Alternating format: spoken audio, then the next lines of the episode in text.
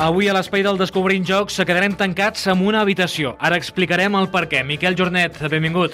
Eh, bon dia, Jordi. El nostre especialista en jocs de taula, cada setmana recomanant jocs. I avui tenim un joc que porta per títol Escape the Room.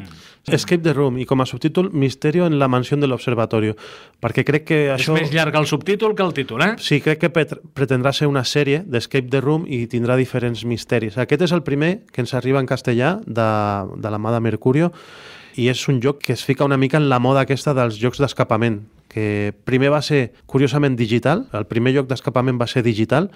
Després els japonesos ho van fer en físic a Barcelona tenim molts escape rooms i ara la gent del món dels jocs de taula ha dit això ho hem de fer amb taula i, i s'està fent i sortiran molts, molts, molts. Parlarem de les bondats, com diu Miquel Jornet moltes vegades en aquest espai i algun inconvenient que també destacarem avui d'aquest joc. Però anem a fer la fitxa, nom del joc, Miquel. Escape the Room, Misterio en la mansió de l'Observatorio és un joc de 2016. L'autor? Són dos autors, és en Rebecca Bló i Nicolás Carabota. Artista gràfic, dissenyador? Erwin Madrid. Editorial? El Porta Mercurio aquí a, en castellà. Número de jugadors? De 3 a 8 jugadors. Edat recomanable? A partir de 10 anys, però ho posem una mica en dubte perquè igual fins i tot podria jugar algun nen més, més petit. Temps de partida? També ho posarem en dubte perquè diu 90 minuts. Nosaltres ho vam fer... Tot depèn de l'habilitat. Sí, nosaltres ho vam fer molt, molt, molt més ràpid. Després parlem.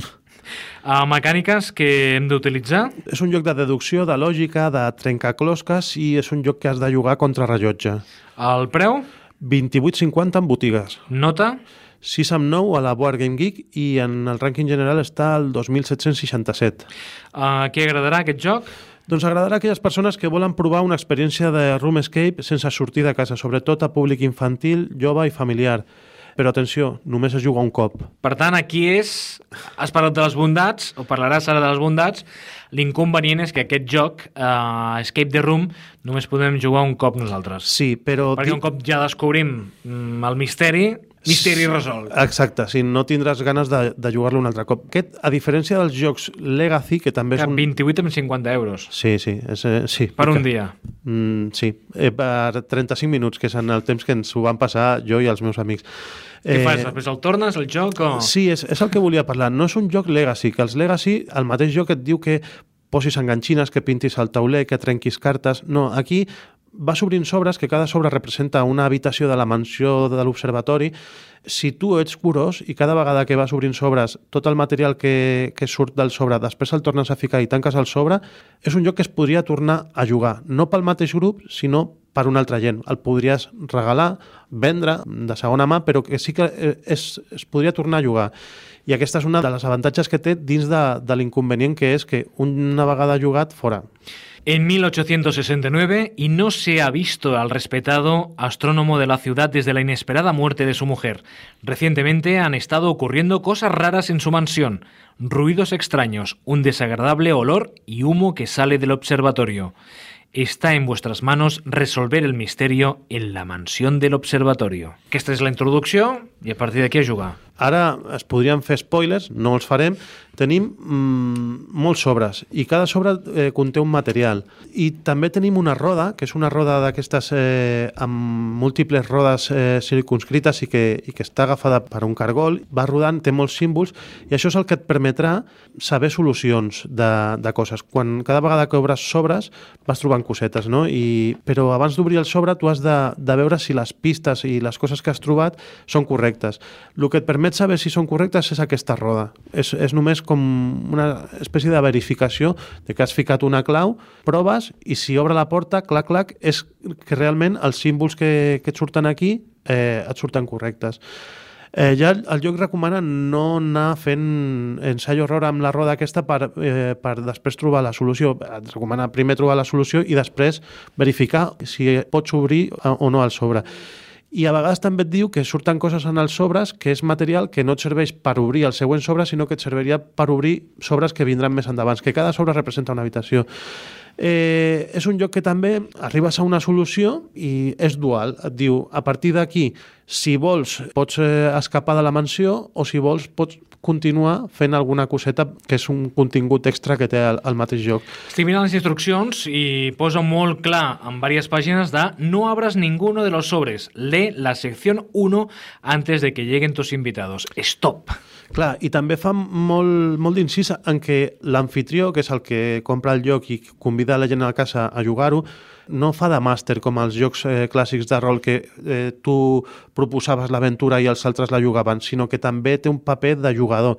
Tots juguem contra el joc, no? contra, contra el rellotge, però ja dic, posa a la capsa que és a partir de 10 anys, però no posa un límit per dalt. I jo crec que aquest joc sí que hauria de posar un límit per dalt. Igual hauria de posar baixar-ho per baix, posar de 8 a 15 anys i seria molt més honest perquè ara hi ha molts jocs de deducció, el Watson i Holmes, el detective assessor, hi ha jocs de deducció per a adults.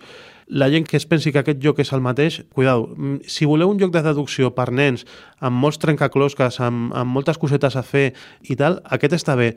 Però ja dic, a nosaltres ens donava un límit de 90 minuts i vam ser quatre adults i ens ho vam passar en 35 minuts. Tot el joc, eh? Es va deixar una mica així. Si és per jugar amb nens o jugar en família i relaxadament, jo crec que pot estar bé. Recorda també a, lo de la mansió i tal, a, a mítics videojocs com el Maniac Mansion i coses així que, que té aquestes eh, cosetes. Però eh, vigileu, perquè és un joc mm, fàcil i que després una vegada jugat, el, o el deixeu a la prestatgeria molt de temps si l'agafeu dintre d'uns anys i el torneu a jugar o, o el passeu a un altre que ho disfruti un altre.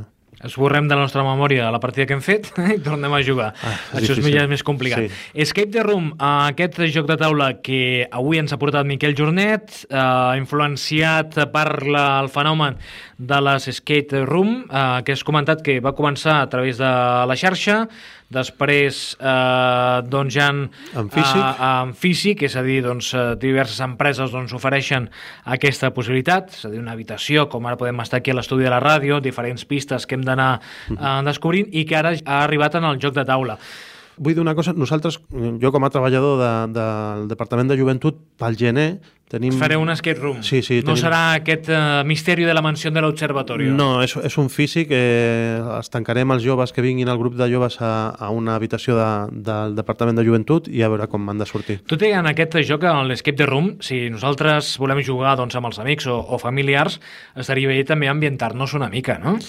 Sí, sí, de fet, eh, el mateix joc et Decorar una proposa... mica la casa, no? Et, et proposa músiques, et proposa... Tens recursos online, també pistes, però que jo dic que les pistes, sense pistes ho van passar molt ràpid, imagina't si agafem les Que pistes. sou molt llestos. Eh, no, no, és que jo crec que està mal calculat el, el tema de l'edat, ja dic. Quina música tenim avui? Sí, eh, Que avui no et puc proposar anem a jugar una partida, perquè necessitaríem més persones. Bueno, tenim el Vicenç, però necessitaríem Sí. algú més també, no? Bueno, amb tres ja es pot, eh? Sí? eh sí, sí, eh, es podria Però jugar. tu ja has jugat. Sí, sí, però jo ja el tinc destripat una mica. Sí. doncs, eh, música, a veure, sempre és patillero com els enganxem, a mi m'agrada molt de Peix Mode i Atenció, donem pistes. Escape the Room. Quina música pot ser? se m'acaba d'escapar de Peix Mode, pues posarem el In Your Room, no?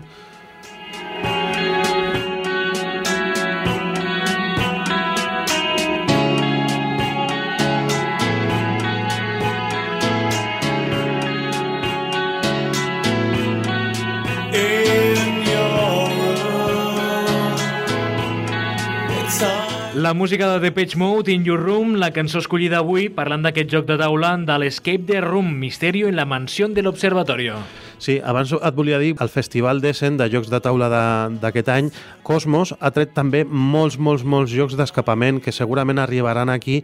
No sabem si per Devir, perquè és un partner bastant habitual de Cosmos, però que la gent es prepari perquè jocs d'escapament, fins i tot crec que hi ha un de 17, de la marca 17, que a, aquest Nadal ja començaran a veure'ls i segurament després, eh, o el Nadal que ve, seran un boom a, a les botigues de jocs i de, i de joguines. Uh, si més no, per aprofitar-ho més, doncs que cada amic es compri un joc d'aquests d'escapament eh? Clar. i després es posen en comú i ja està. També ja rec tenim. recomanem molt anar als físics. Els físics és, és guai perquè ho vius. I també, si volen provar un des de casa digital, per mi el millor és un clàssic que, que el va fer un programador argentí que es diu Valentín Sagrario, que és Sagrarios Room busqueu per Sagrarius Room, es pot jugar des d'un navegador web i és un escape room difícil.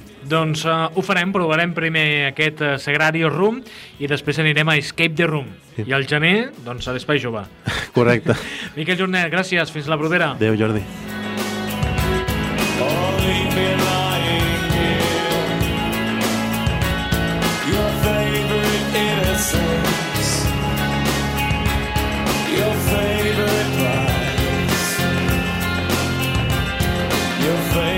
smile.